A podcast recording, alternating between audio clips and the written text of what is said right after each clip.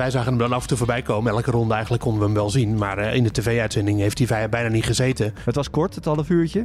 Maar ik kon moeilijk zeggen dat je dat je niet vermaakt hebt als je daarna gekeken hebt. Maar dat doe je als rijder niet. Zo agressief over een curb. Als je nu weet dat de auto dusdanig stijf is dat je dat dus ook gewoon niet kunt doen. Ja, als je zo makkelijk kunt volgen constant, dan heb je gewoon veel meer snelheid. Nu schoot Red Bull een keer raak en Verstappen zei dat ook steeds hit en miss.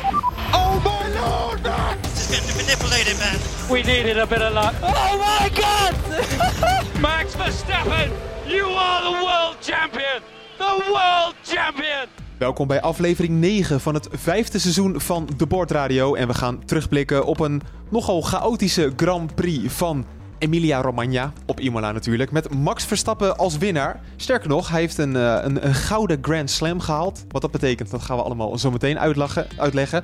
Uh, wie er allemaal bij zijn deze keer, dat is uh, Hopin Toen vanuit Nederland. Hopin, wat is dit nou weer? Ja, zeker. Goedenavond. Ja, ik ben vanmiddag aangekomen na een lange reis. Vanuit Hongkong via Sydney, daar moest ik heen voor werk, naar Nederland. Dus ik ben ja, eindelijk een keer in Nederland. Zijn jullie er niet? Zitten jullie in, uh, in Imola? Dat is ook uh, een beetje onhandig natuurlijk.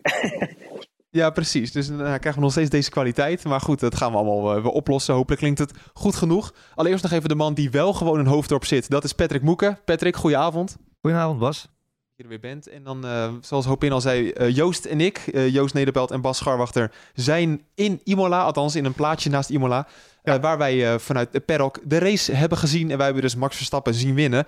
En dat heeft hij dus gedaan met een, een gouden Grand Slam. Althans, die naam heb ik zelf een beetje verzonnen, Joost. Want hij heeft alles gewonnen dat hij hier kon winnen. ja, inderdaad. Hij was ook de eerste die zowel de hoofdrace als de sprintrace in hetzelfde weekend won. Uh, want vorig jaar uh, heeft hij natuurlijk wel sprintraces gewonnen. Alleen ja, toen finishte hij zelfs de volgende dag de race niet. dus ja, het was dan een, een fantastisch weekend voor Verstappen, voor Red Bull. Sergio Perez op de tweede plaats. Dus helemaal geweldig. Ja, Patrick, het was weer een beetje ouderwets Verstappen, hè, die dominantie. Ouderwets Verstappen, ja. Dat hadden we eigenlijk dit jaar nog niet, niet eerder gezien. Ook niet in Saudi-Arabië en zeker niet in, de, in Australië en Bahrein. Nee, ik denk, hij was er zelf ook wel positief verrast over. Hè? Hoe, nou ja, ik wil niet zeggen makkelijk uh, maar wel hoe vlot het eigenlijk allemaal ging. Hij zegt, ja, dit was gewoon een ontzettend sterk weekend. We hebben geen voet verkeerd gezet. En uh, ja, dit hadden we ook wel even nodig. Dat hebben we zeker nodig. Uh, Hopin, ben jij verbaasd door de Red Bull? Want die, ze hadden natuurlijk van tevoren aangekondigd dat er updates aan zouden komen. De auto zou een beetje gaan afvallen qua gewicht. Maar ineens was de Red Bull wel mega dominant, hè? Ja, absoluut. Um, ze deden het beter dan ik denk vooraf wat ingeschat. En met mij volgens mij bevelen. Ik, we hebben natuurlijk in de vorige podcast behoorlijk lang ook over gewicht gehad van de auto. En dat moet je natuurlijk niet onderschatten, omdat het uh, eigenlijk op alle fronten toch wel echt goed doorwerkt. Dus uh, ik weet niet in hoe, ja, hoeveel er eigenlijk qua gewicht is afgegaan van de auto precies. Dat, dat zullen zij waarschijnlijk alleen weten. Maar um, wat ik wel opvallend vond, is dat het eigenlijk een weekend was natuurlijk waar de omstandigheden behoorlijk lastig waren. Waar de teams ook eigenlijk relatief weinig tijd hadden, eigenlijk praktisch geen tijd hadden om aan de afstelling van de auto echt te werken door de wisselende omstandigheden. En uh, ja, dat Red Bull daarmee, ja, echt, dat, die, die, hebben er echt perfect op geanticipeerd. En je zag dat bij heel veel auto's, uh, waaronder natuurlijk ook Ferrari, uh, die hebben natuurlijk altijd wel veel last van porpoising gehad. Maar ik vond het dit weekend ook wel behoorlijk uh, erg. Zelfs bepaalde onboards die keek, dat je zag dat Leclerc bijvoorbeeld, ja, toen hij achter Perez zat, echt een stuk eerder echt van zijn gas af moet gaan voor de remzones om te zorgen dat die auto gewoon een beetje ja, kalm werd weer. Dus ja, dat is, geeft ook weer aan hoe scherp de, de organisatie van Red Bull is. Dat ze toch met de beperkte tijd um, nou, goed uit de voeten kunnen en een zeer competitieve auto weten neer te zetten qua afstelling. Ja, precies. Daar gaan we het uh, allemaal zo meteen over hebben. Um, want ja, het was eigenlijk al een bijzonder weekend met de, de sprintraces. Laten we, voordat we over de zondag gaan beginnen, eerst nog even Joost, die sprintraces. Weinig mensen waren er positief over. Maar voor het eerst hebben we een beetje kunnen zien dat het echt leuk is. Ja, alle, dat, inderdaad. Want dat, dat werd natuurlijk wel vooral veroorzaakt omdat uh, Sergio Perez en Carlos Sainz ver naar achter uh, begonnen aan de, aan de sprintrace. Uh, Sainz tiende, Perez zevende uit mijn hoofd. dus die moesten zich naar voren werken. En dat leverde volgens mij het grootste deel van het spektakel op van de sprintrace. Los van natuurlijk Verstappen die uiteindelijk Leclerc nog weer inhaalde. En, uh, en nog zo'n Magnussen die per ongeluk in de weg reed. Ja, precies. Maar je kan natuurlijk ook redeneren dat die inhaalacties uh, van Perez en Sainz... dat die ook gewoon anders in de race hadden plaatsgevonden. Dus uh, ja, het, het, blijft een beetje lastig. Uiteindelijk is het gewoon een aanlenging van de race. En uh, dus ik snap de kritiek van bijvoorbeeld Verstappen, die echt geen kans onbenut laat om te zeggen dat hij de, de sprintraces uh, kwalitatief uitermate teleurstellend vind. uh, die begrijp ik ook alweer. Het, het, is gewoon een, het is gewoon een verlenging van de race. Daar komt het uiteindelijk op neer. En we zagen nu ook al bijvoorbeeld dat Red Bull sneller was dan Ferrari. Ja, en dat, dat, dat was ook een beetje al een soort van spoiler voor zondag. Precies, um, want Boeken, we hebben ook wel eens gezegd van... Ja, zo'n sprintrace houdt toch een beetje de glans van de hoofdrace af. Um, wat, wat, wat was jouw conclusie nou eigenlijk na, na deze twee dagen? Nou, ik moet eigenlijk zeggen dat ik van uh, echt van vrijdagmiddag tot, uh, tot en met vandaag een topweekend heb gehad. Ik vond het echt één groot ge geslaagd succes. Ook door de weersomstandigheden natuurlijk. We hebben uh, regen. Ik heb een knotsgekke kwalificatie gezien op vrijdag. Ik vond die eerste training, merkte je ook meteen dat, nou, het ging meteen ergens over. De, er was weinig tijd om alles te testen, om, om de juiste afstelling te vinden. Lekker die kwalificatie daarna. Uh, het enige wat, wat me eigenlijk tegenviel, of ja, dat was ook wel logisch, was die tweede training op zaterdagochtend. Want ja, dan, dan testen ze eigenlijk alleen nog maar de banden. En dan, dan gebeurt er verder niet zoveel. Maar ik moet verder zeggen, ik, dus, ik vond de sprintrace was gewoon hartstikke, hartstikke leuk. Uh, met gevechten om de leiding en uh, Sainz die voor door het veld uh, kwam. Meerdere inhaalacties, ja, het, het viel mij absoluut niet tegen. Nee, ik vond het een topweekend. En ik denk ook juist ja, die, dat de Formule 1 hier heel blij mee is na alle kritiek die, die er kwam, ja, je, je, kon moeilijk zeggen. Het was kort, het half uurtje. Maar je kon moeilijk zeggen dat je dat je niet vermaakt hebt als je daarna gekeken hebt. En nu, Joost, jij zei het al dat Verstappen niet heel erg positief was. Hoop in, zou jij het leuk vinden als je nog in de Formule 1 zou rijden, dat zo'n sprintrace er nog even bij komt? Um, nou, je kan natuurlijk ook anders bekijken. Hè. Stel je voor dus dat, dat uh, Sainz um, de race had moeten aanvangen vanaf de plek waarop hij in, vrijdag gekwalificeerd had, dan uh, hadden we waarschijnlijk gezegd van dat hij vandaag een hele mooie race had gehad. Uh, dus ja. het, het, verplaatst zich eigenlijk een beetje. En ik denk, ja, in in een weekend met wisselende omstandigheden, zoals we dit weekend eigenlijk hebben gehad, dan denk ik dat, dat geeft eigenlijk altijd wel spectaculaire races. Dus ik weet niet in hoeverre echt het feit dat we een sprintrace hebben gehad, dat dat heeft bijgedragen aan het spektakel van het, van het hele weekend. Um, dus denk ik voor Verstappen natuurlijk vanuit Verstappens is het iets wat heel erg gunstig is geweest. Want zeker omdat hij natuurlijk nu acht punten uh, extra heeft gepakt eigenlijk. Even simpel. Dus niet, nee, niet extra, dat zeg ik fout. Maar dat hij natuurlijk uh, door het nieuwe puntaantal um, nou ja, toch wat punten heeft kunnen goedmaken. Niet per se op Leclerc, maar wel gewoon in het kampioenschap in zijn algemeenheid. Um, ja. Maar ik denk dat we het spektakel sowieso wel hadden gehad. Ondanks, ondanks, die, ondanks ja, die sprintrace die er wel of niet was geweest. Als je, als je, aan de andere kant, als je kijkt uh, die sprintrace kwam natuurlijk wel in plaats van een training. Want er is een training geschrapt. Dat maakt, en dat, is, dat zei ik vorige keer ook, we, we, kunnen er gewoon niet meer omheen. Dat het weekend wordt gewoon sneller interessanter. Voor het grote publiek. Ja, en ja ik dat denk, is waar. De... Ik, ik denk ook eigenlijk niet dat, dat... Kijk, wij zijn al Formule 1 fans. Wij zijn al... Uh, wij, wij kijken al alles. Maar ze zijn toch nog op zoek naar die andere markt, die nieuwe kijker, uh, die niet gaat zitten voor een uur vrije training. En daar doen ze het allemaal voor.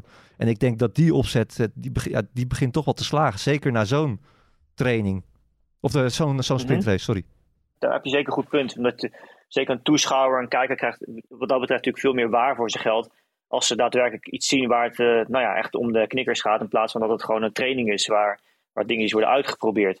Uh, maar ik denk nog steeds wel, ja, ik, heb er, ik zat er toch over na te denken van in hoeverre zou je nog iets kunnen tweaken aan het, voor, het format van zo'n sprintrace om het nog wat interessanter te maken. Want als je kijkt naar de kop, werd het eigenlijk alleen interessant omdat Leclerc gewoon te veel last had van bandenslijtage.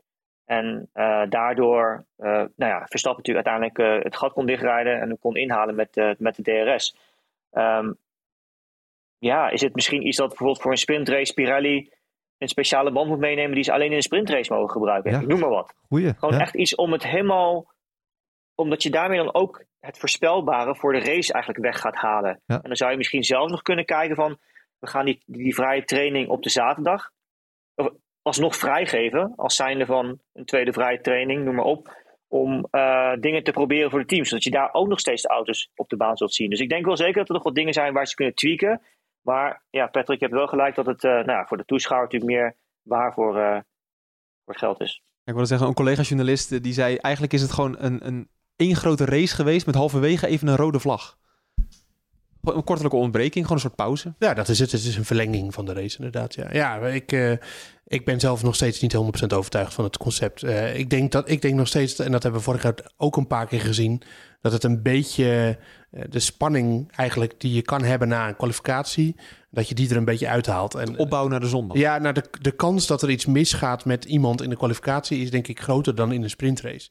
En in sprintrace rijden ze gewoon bij elkaar weg. Want dat is wat je wel zag in de top 10 natuurlijk. Dat zag je vandaag eh, weer. En, en dan liggen die plekken gewoon vast. En eh, ik denk, ja, ik ben gewoon fan van de kwalificatie op zaterdag en dan, eh, dan racen. En, maar ik snap precies wat Moeke zegt. En ik denk dat het, dat het voor, voor, voor de fans gewoon, voor de nieuwe fans aantrekkelijker is. Dat er drie dagen op rij actie op de baan is. Stap heeft in ieder geval geschiedenis geschreven door 34 punten te pakken in een Grand Prix weekend. Dat is dus het meeste dat ooit is behaald. Eh dat komt natuurlijk omdat je voor de sprintrace dus 8 punten hebt gekregen. Eh, maar we zeiden het al, het is ouderwets dominant wat Verstappen heeft laten zien. Ehm, en dat begon eigenlijk al eh, in de race, eh Moeke. Want het, het draait natuurlijk heel erg om de start. Die was, dat was overleven en daarna hadden we eigenlijk op zaterdag wel gezien... dan heeft hij de snelheid om weg te rijden van Leclerc en Perez, hè? Ja, al weet je het natuurlijk niet helemaal zeker, want ze starten natuurlijk op intermediates. En juist op die, op die band en ook op de, op de eh, was Ferrari ook in de, eh, in de kwalificatie en de training wel ontzettend sterk. Ehm, dus dat was toch nog wel een klein vraagteken. Eh, maar ja, hij had natuurlijk al rugdekking van Perez, wat extreem belangrijk was. Dan zit je toch ook anders achter het stuur. Ja, we kunnen wel zeggen dat Verstappen vanaf dat moment gewoon de, de race gecontroleerd heeft. En ja, een, een dominante zege was het gewoon. Ja, Hopin, ehm, een verklaring voor de slechte start van, eh, van, wie waren het ook weer, Leclerc en Sainz, allebei, eh, had kunnen zijn dat zij allebei aan de rechterkant van de baan stonden en dat Imola een klein beetje afloopt. Dus dat er aan de rechterkant van de baan dus meer water was dan aan de linkerbaan. Kan je je vinden in die theorie? Ja, ja, ja, absoluut. Je zag het nou, dat is één ding, denk ik. En wat je ook niet moet vergeten, dat zag je op een gegeven moment heel duidelijk bij de onboard van Carlos Sainz, bij de start, is dat je vrij kort na de start, zeg maar na de lijn, heb je een heel klein knikje in de baan zitten. Die natuurlijk, als je aan de binnenkant van de baan zit, is die knik net wat groter. Met je, en je praat echt over een hele kleine stuurhoek maar. Maar op het moment dat je eigenlijk eh, nou ja, zo optimaal mogelijk wil accelereren, wil je het eigenlijk altijd alleen maar rechtdoor doen, zonder stuurhoek te nemen. Want als je stuurhoek geeft, verander je toch een beetje de, nou ja, de, de, de, de, druk op de bepaalde banden achter. En eh, daardoor krijg je dus die wheelspin en dat, overstuur. En dat zag je bij Sainz heel duidelijk. Hij stuurde een heel klein beetje op, voor dat bocht, dus echt maar een paar graden. Maar je zag meteen een onwijze ja, snap overstuur komen daar. En ik denk dat dat ook nog wel enigszins ermee te maken heeft gehad, waardoor bij Sainz en Leclerc die start wat minder was. Natuurlijk naar achter het veld misschien niet zozeer, maar je zag wel dat heel duidelijk de, eigenlijk de hele rij aan de rechterkant, zeg maar vanaf het, eh, het eh, luchtschot gezien, eh, toch wat moeilijker van zijn plek kwam. En ja, ik, dat, is, dat, ja, dat, ja, dat is sowieso natuurlijk als je heel, dat, dat hele stuk ziet, eh, dat, dat zagen we vorig jaar ook natuurlijk waar op het moment dat eh, toen Bottas en, eh, en- en Russell ehm, eh, eh, met elkaar crashten. Dat heel- het is niet echt een recht stuk natuurlijk. Het, blijft constant een beetje draaien links en rechts en zo. En ehm, daar, ja, zeker op het moment dat je vooruit aan het accelereren bent, dan heeft een kleine stuur altijd best wel veel gevolgen voor de tractie van een auto. Wat eigenlijk helemaal niet verteld, Joost. Maar die, die hele opbouw naar die start van of het überhaupt ging regenen of niet, dat was, eh, dat was ook al gek om mee te maken. hè? Ja, eerst was de voorspelling dat het eh, zo'n beetje rond de start van de race zou gaan regenen. Of eh, misschien zelfs een uur later. Je zag op de, de buienraden wel duidelijk de buien aankomen. Maar ja, opeens waren ze er. Wij hadden net... Sterker nog, wij gingen nog een rondje lopen. Precies. We hadden net besloten om eventjes bij het standbeeld van Ayrton Senna te gaan kijken. En een beetje sfeer te proeven tussen het publiek te lopen. Nou, dat ging op zich prima. Dan zei het niet dat, dat de regen op een gegeven moment met pijpenstelen naar beneden kwam. Ja. Eh, maar eh, ja, dus toen was de regen er al. En toen was ook gelijk duidelijk dat de start waarschijnlijk hoe dan ook niet meer droog zou gaan verlopen. Eh, ik moet zeggen dat het mij daarna, ja, dat die regen was er eigenlijk, die dus voorspeld was voor een uur of drie, vier. die was er dus gewoon eerder dan verwacht. Daar kwam het eigenlijk op neer, want daarna heeft het helemaal niet meer geregend. Nee, precies. Want eigenlijk was een beetje de vraag van... In eerste instantie was het gewoon weer voor full wets. Maar echt per half uur werd dat steeds en steeds minder. Ja, daarom. En eh, je zag het heel goed bij de, de, de verkenningsronde. Eh, de meeste coureurs, zeg maar de, de ronde naar de grid. En dan doen ze vaak nog eens één of twee rondjes. Gaan ze de pitlane weer in. Eh, en toen zag je de, de meeste coureurs, waaronder ook Verstappen in eerste instantie op, op eh, de full wets naar buiten gaan. Ja. Eh, en een paar op inters. En toen daarna kwamen alle jongens die op full wets waren gaan, eh, die kwamen weer naar binnen. eh, om te wisselen naar inters. Dus ja, de inter was eh, the way to go eh, voor de start. Ja, precies. Nou, dan hebben we gelijk bij de, de start natuurlijk gehad. Eh, de chaos daar in de eerste bocht. Met Carlos Sainz weer als grote pechvogel eh moeken. We hadden daar natuurlijk donderdag al een discussie over in de podcast. Van het zit hem allemaal niet helemaal mee.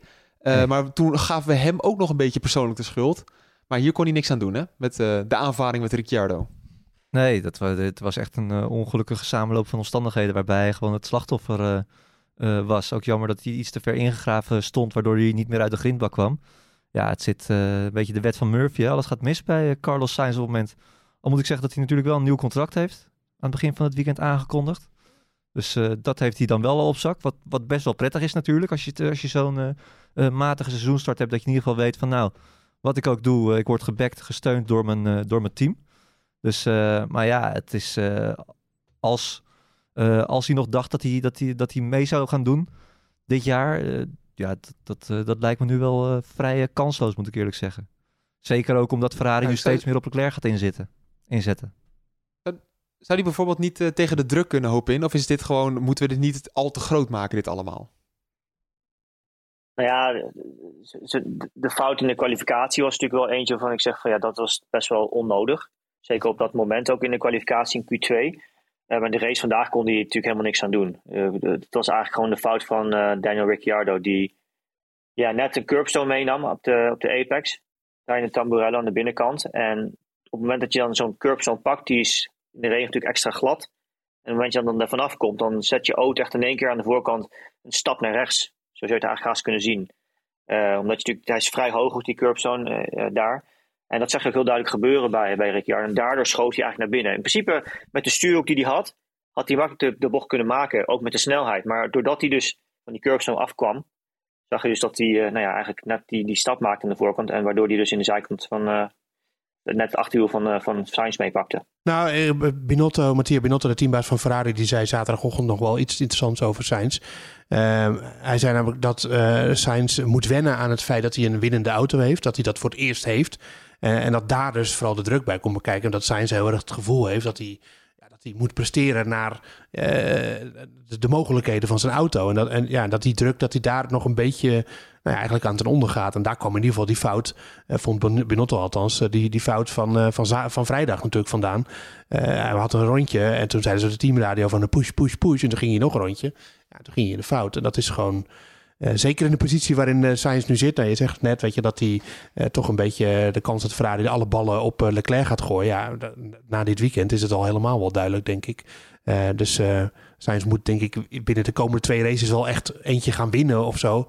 Wil hij dat, niet, wil hij dat nog kunnen omkeren? Want anders is het gewoon ja, alle ballen op Leclerc.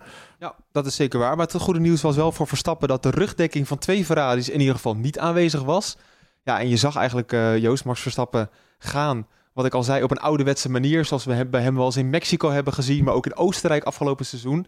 Um, hij kwam helemaal niet in problemen. Hij was gewoon echt foutloos. Hè? Hij kwam ook niet in beeld. We hebben hem amper gezien. Nee, we hebben hem nauwelijks gezien. Wij zagen hem dan af en toe voorbij komen. Elke ronde eigenlijk konden we hem wel zien. Maar uh, in de tv-uitzending heeft hij bijna niet gezeten. Uh, nee, eigenlijk de ster van de show vanuit Red, van Red Bull perspectief was natuurlijk Perez. Uh, die duidelijk de auto had. Maar ik, ik vind ook nu laat zien dat hij de kwaliteiten heeft om, om, om in ieder geval alles uit deze auto te halen wat erin zit. Uh, en Perez, of ja, ja, hield Leclerc natuurlijk heel knap achter zich. Maakte wel een paar foutjes, waardoor Leclerc soms ineens zomaar weer op zijn achtervleugel zat. Maar dan reed hij daarna ook weer van hem weg. Ja, en wat dat betreft, nou ja, Horner die zei, die jubelde echt na afloop van onze, allebei onze creus hebben het briljant gedaan. Maar ja, dat geldt, dat gold van natuurlijk voor Verstappen. Maar van hem verwacht je het in dit soort races, dat hij dit kan. Dat weten we, dat hij dit kan. Uh, maar van Perez, uh, ja, die zit, die zit er goed in dit seizoen. En uh, dat hebben we natuurlijk al eerder benoemd over die auto. En dat hem dat beter ligt. Maar dat liet hij vandaag ook wel weer echt zien. En ik was, was onder de indruk wel van, van Perez.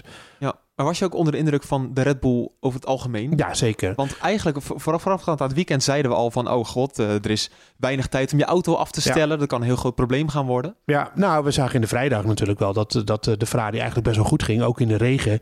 De Ferrari is in principe de auto met iets meer downforce. Al scheelt dat niet zo heel veel meer, denk ik.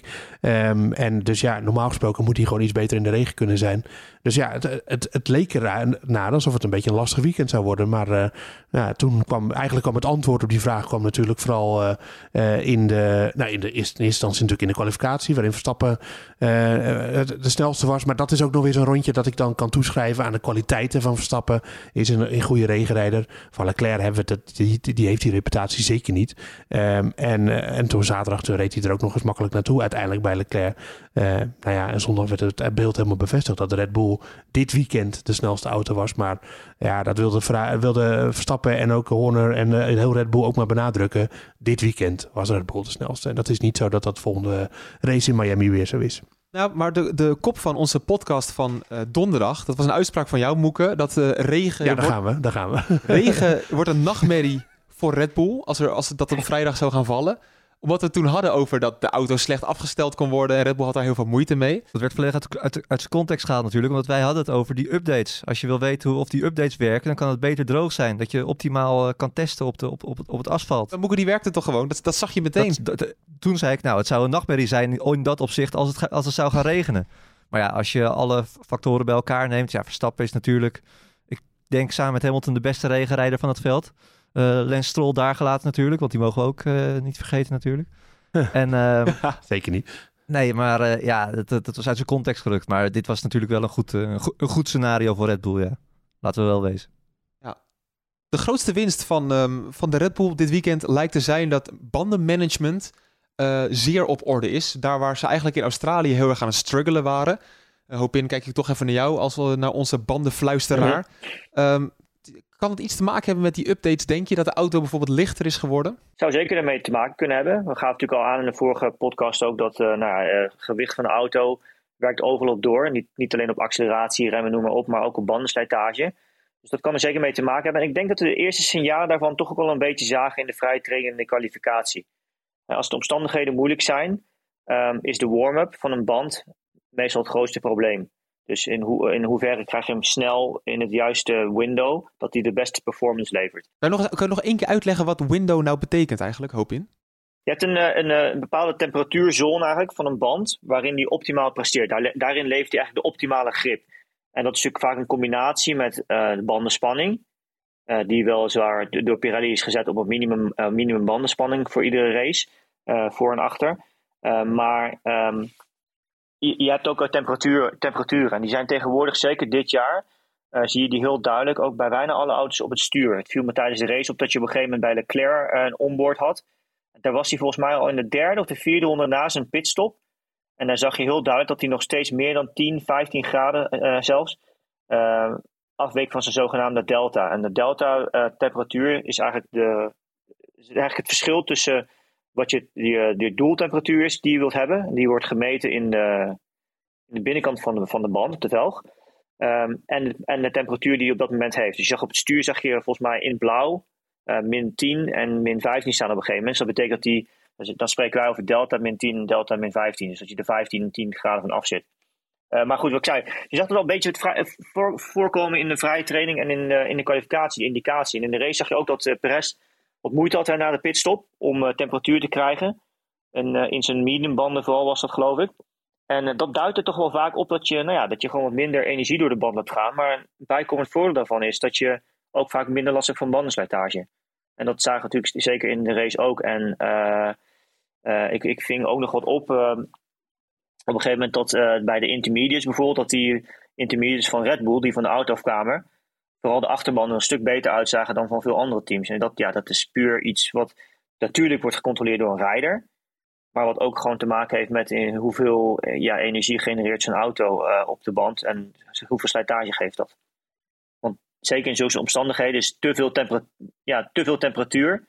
Vooral op die intermediates als de baan droog wordt geeft extra slijtage. We hebben er ook een video over gemaakt uh, op nu.nl die, uh, die nu te vinden is als je de podcast luistert. Dat eigenlijk uh, de afgelopen weken was de zwakte van, van Red Bull, eigenlijk de bandenmanagement. Dat lijkt ja. nu gewoon de sterkte geworden. Ja, dat, maar dat, is, dat is wel een heerlijk wapen. Ja, zeker. Maar dat was wel, het was vooral natuurlijk in Australië.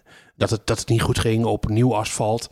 Eén race. Dus dan moeten we ook niet te groot. We moeten beide dingen niet te groot maken. Australië was één misser. En nu, nu schoot Red Bull een keer raak. En Verstappen zei dat ook steeds hit en miss.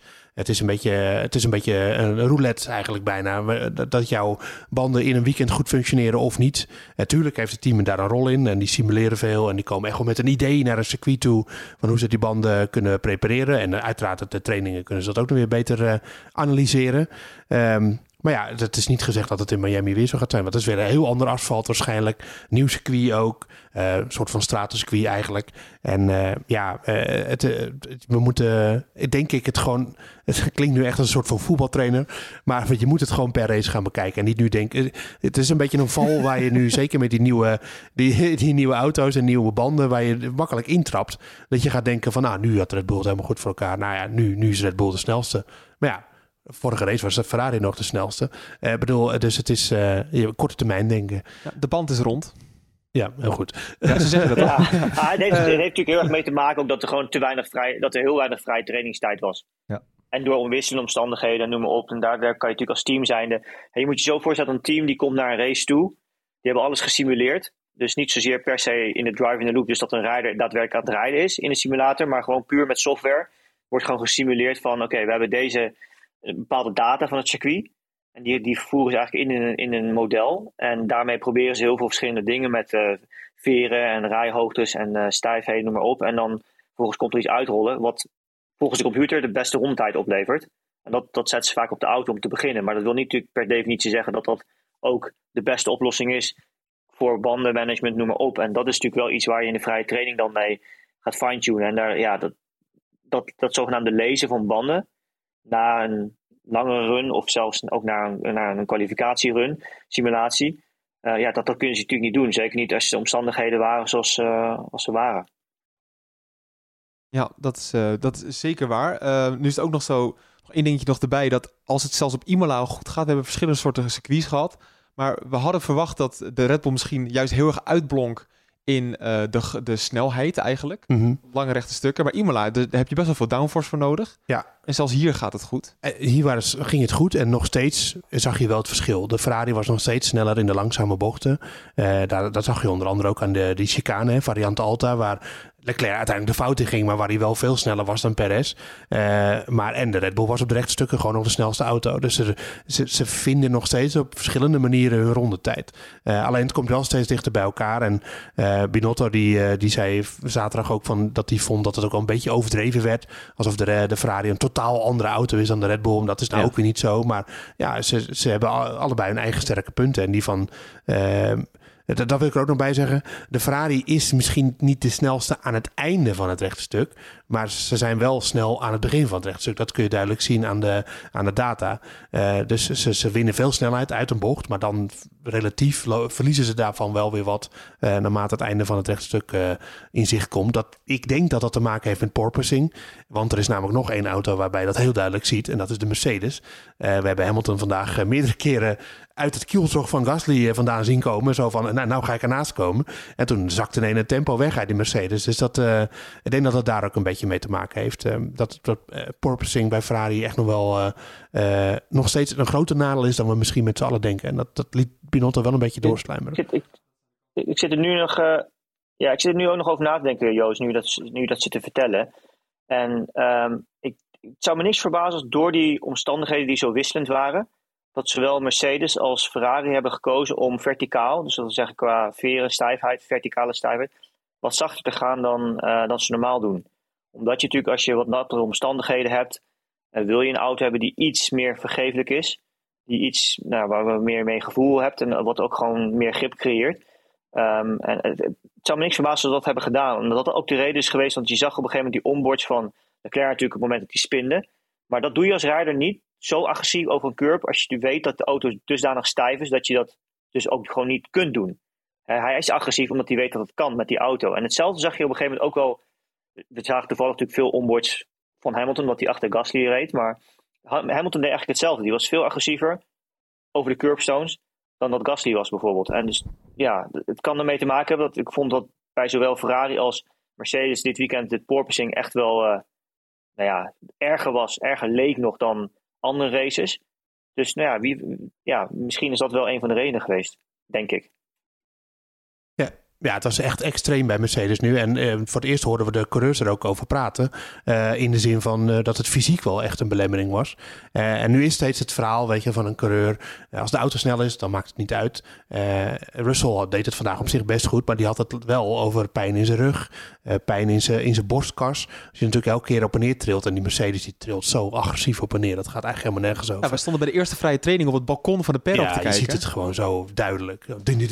Zo gaat hij op en neer, die auto. In real life is het soms nog Ja. erger dan dat je op tv Ik, ziet. ik heb medelijden met Hamilton en Russell. Minder met de Ferrari-coureurs, want die gaat wat geleidelijker op en neer. Maar die Mercedes, het is echt een... eh, hij vibreert gewoon eigenlijk meer. Het is Ja. echt vreselijk.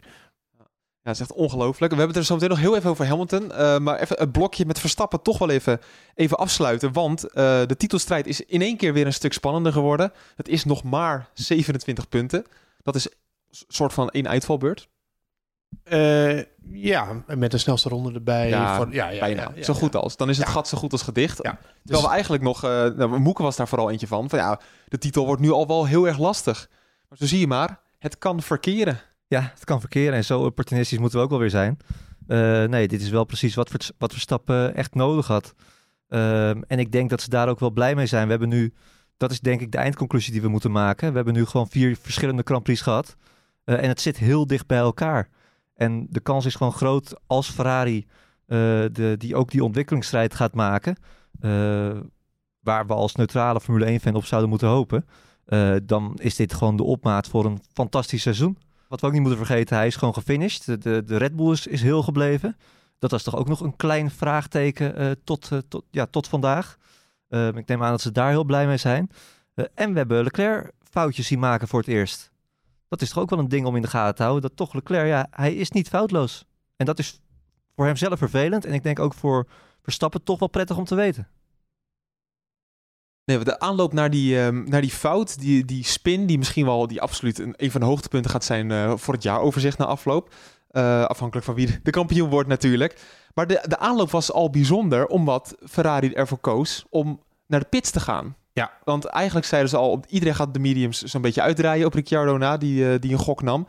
Maar toen kozen ze voor de softs. Allereerst begreep je dat, Joost? Eh, ja, want ze moesten iets doen. Ja. Eh, aan de andere kant kun je zeggen, ja, ze hadden ook gewoon genoegen kunnen nemen met die derde plaats. Eh, dat was misschien het verstandigste geweest. Als je gewoon kijkt naar hoe ver ze voorstaan in het eh, kampioenschap, voorstonden, moet ik eigenlijk zeggen, dan was een derde plaats eigenlijk gewoon prima geweest. Als je gewoon accepteert dat, dat dit niet de race gaat worden dat je gaat winnen. Eh, maar ja, goed, dat deden ze niet. Ze namen een gok. Aan de andere kant zei Verstappen eh, na afloop, ik vroeg hem dat, van, was, het, was je van plan om op de mediums de, de race uit te gaan rijden? Hij zei nee, het was ook wel de planning dat wij nog een keer zouden stoppen. Dus ook bij Red Bull stond het in de planning. En ze waren waarschijnlijk aan het wachten totdat Ferrari dat zou gaan doen. Ehm, aan de andere kant, Perez die zei op zijn beurt weer, ook, want ik vroeg het aan Perez en Verstappen, van nou, ik had liever op de mediums de race uitgereden, want ik had, ik had Leclerc onder controle. Nou ja, dat had Leclerc natuurlijk zelf ook door, dus hij dacht, we moeten wat doen. Hij vroeg het eerder al over de boordradio, van eh, plan B. Hè? Eh, Plan D was het. plan D. Plan, eh, Ferrari heeft altijd een heel repertoire aan plannen. Nou ja, die zeiden toen van, nou ja, dit, dit, dit gaat hem eigenlijk niet worden. Maar hij kwam nog best dicht in de buurt. Ook omdat, dat, wat Hopin net allemaal beschreef over het opwarmen van de banden. Als je dan één rondje eerder gaat, dan heb je toch dat rondje eh, voordeel dat je, kan, eh, dat je in de aanval kwam. Eh, alleen daar komt weer terug dat waar, waar we het net over hadden, over dat eh, de Ferrari langzamer is op het rechtstuk dan de, de Red Bull. Eh, dus hij moest er echt dicht op zetten in de DRS om Perez aan te kunnen vallen. Eh, nou, hij wilde er zo dicht op te zitten dat hij in de, de variante Alta even te hard er doorheen ging, de achterkant verloren en dat was hem dan. Dus risico genomen en ja, dat betaalde zich duur uit vandaag. Ja, ik stond zelf bij Christian Horner, teambaas van Red Bull. Die zei hij was te greedy. Ja, de, dat was het. Maar Gretig. Al wilde die, die, die, die, al wilde die eh, Perez echt voorbij, ondanks DRS, dan moest hij echt bij het uitkomen van de laatste bocht zo'n beetje onder zijn versnellingsbak zitten. Eh, en dat betekende, en, en ja, die, die chicane was de enige kans dat hij er echt naartoe kon rijden. Dus hij moest het risico eigenlijk wel nemen. Ja, en risico betekent dat het ook fout kan gaan. En eh, ja, dat ging het. En eigenlijk was het best wel een bijzonder foutje. eh, sorry, eh, eigenlijk was het best wel een bijzonder foutje hoop in. Omdat hij dus vol over de curb ging. En toen kon hij de auto eigenlijk helemaal niet meer Ja, houden. hij stuurde, gewoon- ja hij, stuurde gewoon, hij stuurde gewoon te agressief in. Te veel. Te grote stuurhoek. Waardoor hij. Kijk, wat je normaal doet, hè, is dat je in zo'n chicane waar de curbs zo hoog zijn. wil je eigenlijk heel agressief insturen. En op, net op het moment voordat je de curb raakt, wil je het stuur eigenlijk weer openen. Omdat je dan een soort van rechter overheen kunt. Ehm, maar dat eerste stuurmoment, het moment dus dat je eigenlijk de, beslissing maken hoeveel radius, hoeveel insturen, hoe ik je gaat geven aan die auto, dat was gewoon te veel. En daardoor stond hij eigenlijk verkeerd gericht. Waardoor hij dus met de vloer inderdaad uh, het hoogste punt van de curbstone raakte. En daardoor sprong de auto. Ja, en als je dan, dat zag je heel duidelijk op de slow motion ook. Op het moment dat je dan neerkomt, dan uh, ja, heb je zoveel ook zijwaartse snelheid. Om op dat hij, ja, dan, dan stuit hij gewoon en dan, dan, dan spin je. En uh, ja, het is wel iets natuurlijk wat, wat ik zei. Ik denk dat het wel misschien een beetje inherent was misschien aan de afstelling van de auto van Ferrari dit weekend. Maar ze, waren, ze leken echt verticaal wat minder stijf dan ze normaal waren. En uh, dat, dat, dat nodige rijden ook uit om meer curbstones te pakken automatisch. Um, wat me wel opviel, wat Joost, ook, Joost al zei, ik, ik, ik heb op een gegeven moment een beetje bij te houden.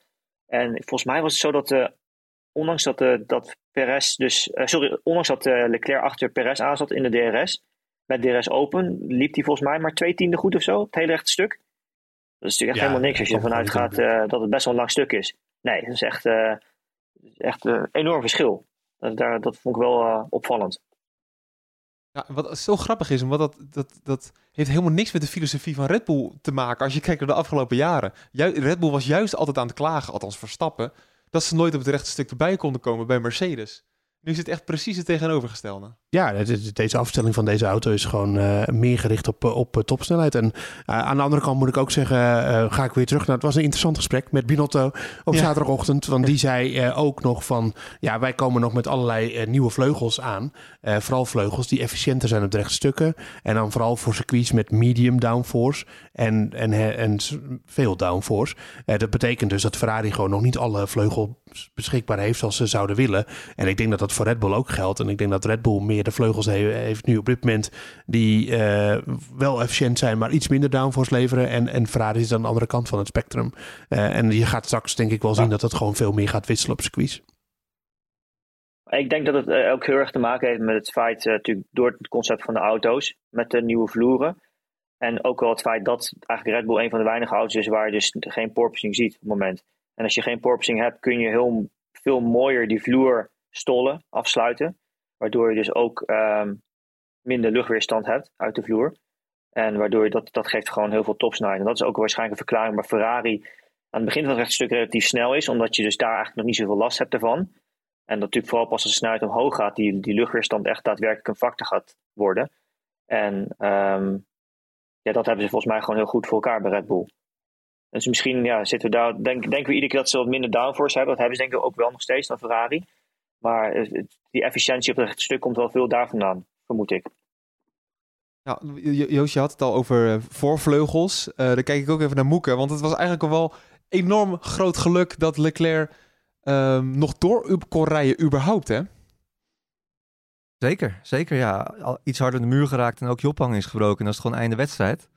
Uh, ik vond het wel opvallend trouwens, er was ook nog een beetje discussie over. Uh, had Leclerc wel moeten stoppen? Had hij niet gewoon de, de, gok moeten nemen, zijn positie moeten houden en toch door moeten uh, rijden? Want op het oog zag hij voor, voorvleugel, hij was, hij was beschadigd, maar het was niet zo dat hij er helemaal naast hing of zo. Dus het, uh, ja, het, misschien hebben ze, namen het zeker voor het onzeker. Aan, aan, de andere kant, stel hij gaat wel stuk en je schiet daarna nog de, de bandenstapel in, dan is helemaal het einde zoek. Dus hij, hij had nog wel redelijk de schade beperkt. Maar ja, ik denk dat, dat, dat nog wel gaan analyseren of die stop wel nodig was. Ja, was het ook niet... Ja, die vleugel moesten sowieso ook af, maar die flat spots op die softs, die waren natuurlijk ook wel flink aanwezig op in, toch? Ja, dat viel volgens mij nog wel mee, want de snelheid was natuurlijk niet echt heel erg hoog daar. En je zag ook wel dat hij op een gegeven moment ook mooi zijn rem iedere keer losliet, terwijl hij achteruit rolde, om dus die flatspots ook wel te voorkomen enigszins. Dat was ook wel duidelijk zichtbaar, maar ja, we zagen natuurlijk begin van de race hoe eh, Bottas eigenlijk uh, achterin bij uh, Daniel Ricciardo reed. Met zijn voorvleugel die, die letterlijk de hele auto optilde. Um, het is soms heel raar hoe een vleugel of een, ook een ophanging. Um, in bepaalde richtingen kunnen ze heel veel kracht hebben. En in andere richting, dus zeg maar in de, in de lengterichting, als je vanaf de voorkant van de auto zou kijken.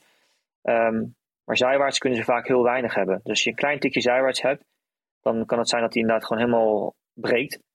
Uh, terwijl die, als je hem zeg maar de kracht van voren krijgt, dat, dat, dat, dat kan, dan kan hij eigenlijk heel veel hebben. Ja, want uh, doorrijden met een beschadigde voorvleugel eh, is echt heel riskant. Want als hij afbreekt uiteindelijk en hij komt onder je voorwielen terecht, dan, ja, dan ben je kansloos, dan ben je uitgeschakeld. Dus eh, ik denk totdat Ferrari ja, het zekere voor het onzeker heeft genomen. Ik dacht eerst ook van, hè, ze had toch wel een rondje door kunnen rijden. Maar ja, als Leclerc vervolgens uh, all purpose het over het rechte stuk gaat en die voorvleugel die schiet onder zijn voorwielen, ja, dan denk je, had nou maar naar binnen gegaan. Dus ja, Ja. dat is, de, ze hadden al genoeg risico genomen, zo kun je het ook zien. Ja, precies. En uiteindelijk heeft het toch, toch nog acht punten opgeleverd. Ja, daarom. Ja, mooie inhoudrace. En uh, nou ja, we zagen sowieso mooie gevechten natuurlijk. Uh, Hamilton, we hadden het net al eventjes over hem. Uh, ik moet zeggen, de regie deed het wel heel slim. Want dat was natuurlijk eigenlijk een gevecht om des keizers baard. Het ging om de dertiende plaats. Ging letterlijk om de dertiende en, plaats. Eigenlijk, als je de regie zo keek, dan leek het alsof het een hele spannende race was. Met allemaal geweldige gevechten in het middenveld. Maar het deed me denken aan Drive to Survive met, met de aflevering van Yuki Tsunoda en uh, Esteban Ocon. Ja, een gevecht heel erg spannend maken dat eigenlijk niet spannend is. Nee. Ja. Um, en, uh, maar dat was nu, was nu ook een beetje zo natuurlijk. Want de gaten in de top 10 waren eigenlijk heel erg groot. Uh, ja. Oké, okay, Perez en Leclerc die zaten dicht bij elkaar. Maar Norris die reed in, het, in, het, in niemands land. Russell heel lang ook. En daarachter ook een paar rijtjes. Echt enorme gaten. Dus heel stiekem was het eigenlijk helemaal niet zo'n hele spannende race. Er waren gewoon een paar dingen die leuk waren. Nee, Joost, wat je zegt, uh, kijk, het, het, gaat natuurlijk om de veertiende plek, maar het bijzondere daaraan was natuurlijk dat het Lewis Hamilton is. De zevenvoudige kampioen, hoe moeilijk, het die, hoe moeilijk die het heeft. Uh, ja, het was natuurlijk hartstikke pijnlijk. Ook Verstappen die hem op een rondje zet. Uh, dat, dat tweetje van Red Bull Racing, ik weet niet of jullie die nog gezien hadden, dat Verstappen haalde hem in. Zeker. dat stond iets in, in, de in de trant van, nou, we hebben ons even moeten, on Max ontdoet zich van wat verkeer. Met zo'n gifje erbij, dat hij even wat stof van ze overal aan het wegvegen is.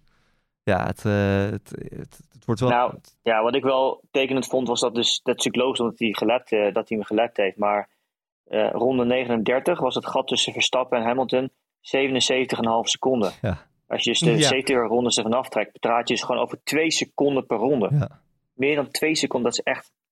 Ja, dat is echt gigantisch natuurlijk. En het was natuurlijk wel zo dat Hamilton gewoon vast zat achter de auto's voor hem. Hij was echt wel een stuk sneller. Dat, dat kon je heel duidelijk zien. Want als je zo, ja, als je zo makkelijk kunt volgen constant, dan heb je gewoon veel meer snelheid. Alleen, ja, wat ook wel weer natuurlijk was deze race, zonder als er, er geen DRS was geweest, dat zag natuurlijk ook al voordat de DRS uh, geactiveerd werd, was het toch ook wel weer weinig inhalen. Ondanks dat nou, ja, nieuwe auto's zijn wel, is het wel makkelijker te volgen dan voorheen. Maar echt het inhalen, zeker op een circuit zoals hier in, uh, in Imola, blijft toch wel echt lastig zonder DRS. Ja, maar ook wel dat met, is wel echt een tool die nog steeds nodig is. met DRS viel het Ja, ook, wel wel- ook, maar, ja, maar ook wel met. Maar dat, dat is natuurlijk meer ook vanwege de DRS-trein. Hè? Ja, klopt. Dat Maar wat, dan, wat daar dan weer gra- grappig aan was, dat eigenlijk Alex Albon eh, vooraan eh, reed. En, en, en, en Gasly, en, eh, die, die kwam ook niet aan hem voorbij. Nee. Dus ja, het is, niet al, het is ook weer niet alleszeggend. Dus ik spreek misschien, mezelf misschien ook wel weer een beetje tegen. Nou, het leek wel alsof wij in een soort real-life DRS-experiment zaten. Want we kwamen natuurlijk af van de inters. we kwamen natuurlijk van een nat wegdek af. Ehm, en toen duurde het heel lang voordat DRS werd ingeschakeld. En het leek wel alsof ze even wilden kijken wat voor effect dat had, hè Joost? Ja, dat leek wel. Maar uiteindelijk de reden die jij zelf had achterhaald was dat er nog een eh, natte lijn in bocht 2 was. En dat ze daarom eh, DRS nog niet open wilden doen. Ja, want je kon, Eh, de racelijn was wel droog, maar daarnaast was het zo nat. Ja, nou ja, we hebben, we hebben de coureurs er ook wel weer over gehoord natuurlijk. Eh, Verstappen zei zelf, ja, dat, eigenlijk zegt hij wat, je het hele, wat hij het hele seizoen er eigenlijk al over zegt. Dus hij is consistent in die eh, beoordelingen over de nieuwe regels. Van je, ja, je kan elkaar veel beter volgen. Maar als je echt een actie wil, wil inzetten, zoals hij bijvoorbeeld natuurlijk deed eh, bij Leclerc op zaterdag, dan vraag je toch een, best wel een lange fase vrij veel van de banden. Dus je kan het niet eindeloos volhouden. Eh, en dat geldt natuurlijk ook voor wat Leclerc aan het doen was bij Perez. Die reed ook heel lang in zijn kielzog. Eh, dan houden je banden het op een gegeven moment minder lang vol. Eh, en, en, en daar zei Verstappen ook terecht. Van ja, het blijven auto's die ontzettend snel door de bochten gaan.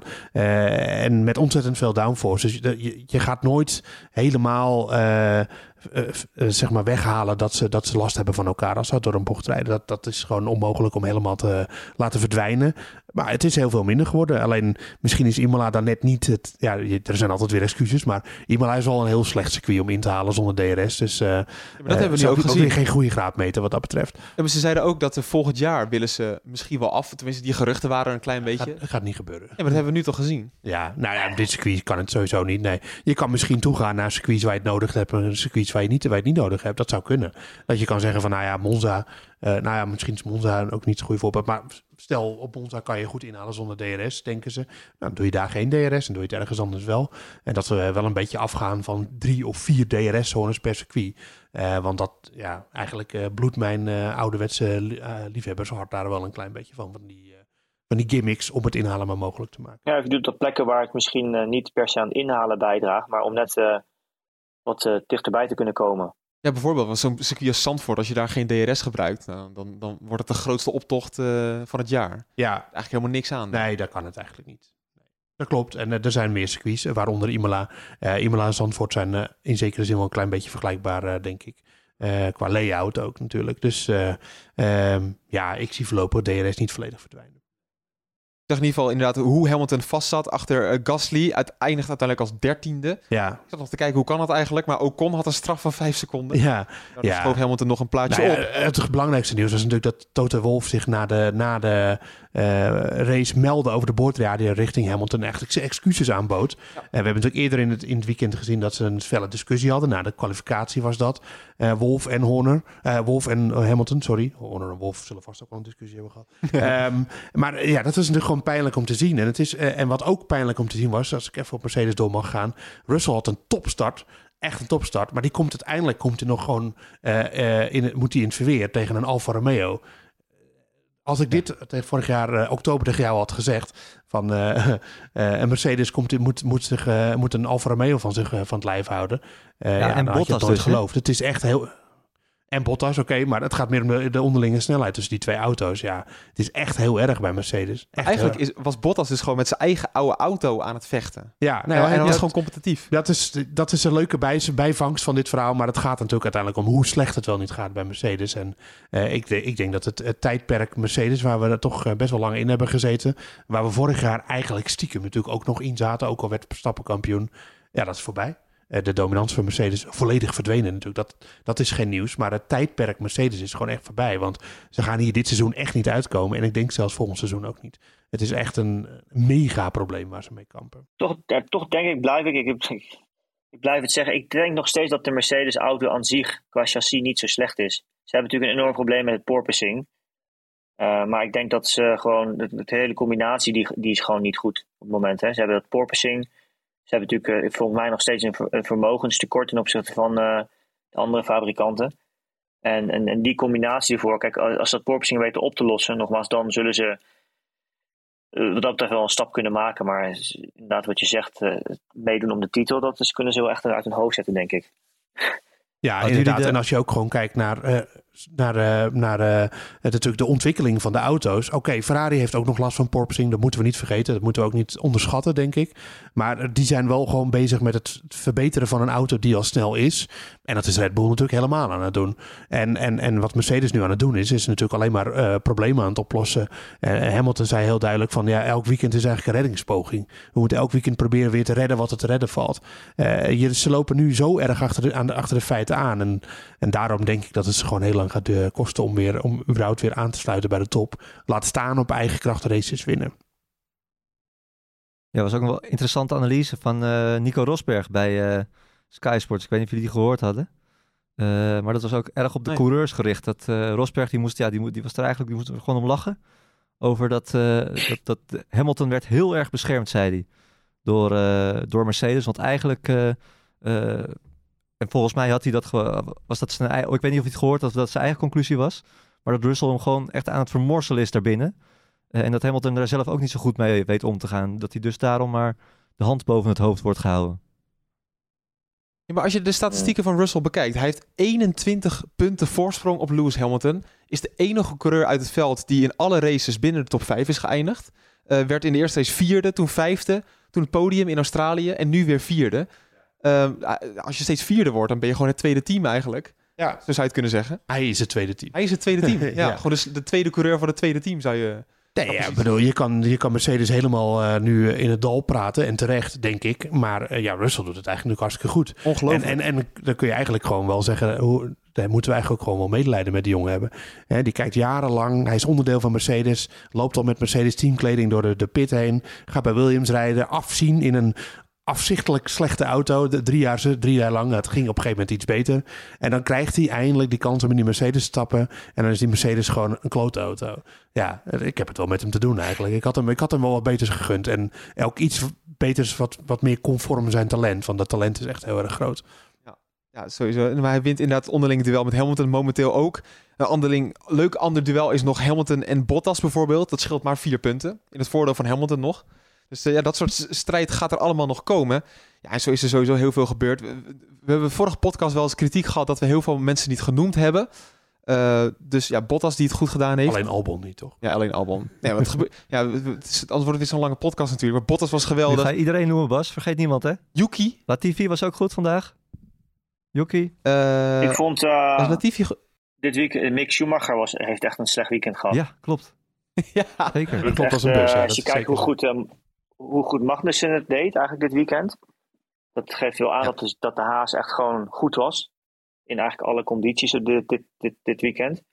Um, zeker niet de snelste auto, maar ze konden gewoon toch wel goed meekomen. En je kon ook plek verdedigen, dat, dat deed wel. Uh, maar ja, Schumacher die maakt natuurlijk echt een potje ervan uiteindelijk. Dus dat was wel, uh, ja, groot verschil. Ja, zeker. Ook een beetje een trend, uh, trend die we het hele seizoen al zien natuurlijk. Ja, ja hij wordt gewoon vermorseld door Magnussen, die uh, op het allerlaatste moment erbij is gekomen natuurlijk. Uh, terwijl het toch, ja, vooraf dacht, ja, zeiden we ook, het is een soort make or break voor Schumacher dit jaar. en het zet toch ook wel aan tot denken, als je ziet dat hij vorig jaar Mazepin vermorzelt. Eigenlijk in alle sessies sneller is, in de races sneller, kwalificaties sneller. met een zekere marge, ja, zet er nu Magnussen naar Schumacher. En je ziet, ja, die prestatie valt eigenlijk ook toch wel een beetje tegen dan als je dat zo bekijkt. Kun je nagaan hoe slecht Mazepin wel niet is. ja, inderdaad. ja. Ja, zullen we even het rijtje afmaken door wat ik zei? Yuki Tsunoda zevende. Heeft echt een hele knappe race gereden. Uh, Stroll in de punten. Is gewoon tiende geworden. Vettel. Maar zijn teamgenoot Vettel ook goed gedaan. Vettel. Dubbele finish point voor, uh, voor, point finish, hoe zeg je dat, voor, voor Aston Martin. Ja, uh, echt een fantastisch weekend voor hun na natuurlijk. Dat rampweekend in uh, Melbourne vorige week. Twee weken terug. Ja, van al die coureurs zullen we gewoon eens even gaan kijken wie het beste had kunnen doen in het Nieuwsport GP-spel. Want ik had stiekem even gekeken. De, de nummer 1 van het GP-spel, die had gewoon alles goed moeken. Hoe kan dat nou? Ja, alles goed voorspeld. De top 3 van de sprintrace en de top 3 van de, ja, van de, van, van de Grand Prix gewoon zelf. Uh, Dr. Harkema Marco. Jawel. Uh, hartstikke goed. Hij een team met Leclerc, Magnussen, Verstappen en Bottas. Goede naam ook natuurlijk, hè? Dr. Harkema Marco. Dus uh, nee, chapeau, chapeau. Ruud Zwart op plaats 2 en Henk Beken op plaats 3. Samen met Jorg Westenbrink. Uh, onze scores, jongens. Ja, uh, ik op plaats 182 het best. En hadden jullie overlegd samen wat jullie deden qua team? Of uh, jullie zijn gelijk geëindigd? Op allebei op plaats 226. Bas en Joost. Ehm, nee. Sterk nog, oh. we hebben iets heel anders gedaan. Ik had bijvoorbeeld Perez op het podium. En Joost had iets met Alonso en Norris. En nou, grappig. Dan zijn we toch op hetzelfde uitgekomen. Nou ja, toch grappig dat het zo geëindigd is. Jork Westenbrink staat ook op, op de eerste plek in het algemeen klassement. Niels Dros op plaats 2. En Jos de Bos 82 op plaats 3. Bloedstollend spannend. Kijk eens. Ah, dat is Mooi die man met uh, de foto van Hongarije, toch? Ja, Hongarije 94. Ja, geweldig GP. Kijk, uh, kijk de YouTube-video ja. terug dat Jos op het podium komt. Prachtige beelden. Ja, leuk. Daar hebben we ook een keer eerder reclame voor gemaakt. Dat is hartstikke leuk. In ieder geval, ja, over twee weken gaan we rijden in Miami. Dat wordt sowieso heel interessant. Maar hoop in wat interessanter wordt, is dat het kampioenschap eindelijk echt weer ergens om draait. Want het scheelt nu nog maar, zoals we in het begin al zeiden, één uitvalbeurtje voor Leclerc. En dan, uh, dan kan alles weer. Hè? Dat is echt heerlijk. Ja, moet het wel gebeuren natuurlijk. Als je daar, als je daar naar uitkijkt, zeg maar. Om dat gat uh, tot nul te laten teruglopen. Maar hoe je het bent of verkeerd, het is nog steeds wel een groot gat natuurlijk. Als je kijkt, zeker eh, met het oog op afgelopen seizoen, als je zeker als je ook kijkt met het, verschil tussen de beide auto's. Um, is 27 nog steeds een groot gat. Maar, zoals je zegt, met de sprintraces, met meer punten die er verdienen zijn, zijn er ook meer mogelijkheden om het wel, uh, om het wel te doen. En dat uh, hebben we dit weekend gezien. Dus wat dat betreft, ja, moeten we misschien onze conclusie van afgelopen race iets bijstellen. Um, zo, zo, opportunistisch is de sport. Dus oftewel, eigenlijk is Verstappen weer helemaal terug in de titelrace. Ja, Zo gaat dat. Nou ja, Verstappen zei zelf ook nadat, uh, nadat hij uitgevallen was in Australië... dat hij 45 races had om Leclerc weer bij te halen. Dus hij kan er zelf ook wat van. Uh, we overdrijven allemaal wel eens en uh, het kan verkeren. aan de andere kant, Leclerc had natuurlijk een hele grote buffer.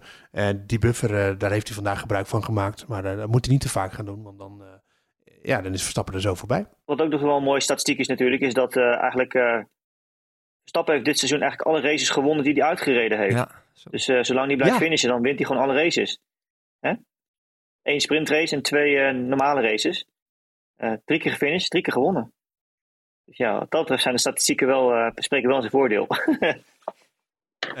ja, alleen de twee keer dat hij uitviel, toen lag je niet aan de leiding natuurlijk. Dat, zo is het ook weer natuurlijk. Dat is ook ja, maar dat ik blijf altijd de zure insteek Joost, ga, dan, ga, dan, ga dan niet, ga dan niet Echt met nuance de hele tijd. Ik word helemaal scheidsziek van jou. Houd niet op. Tijd om naar bed te gaan hier.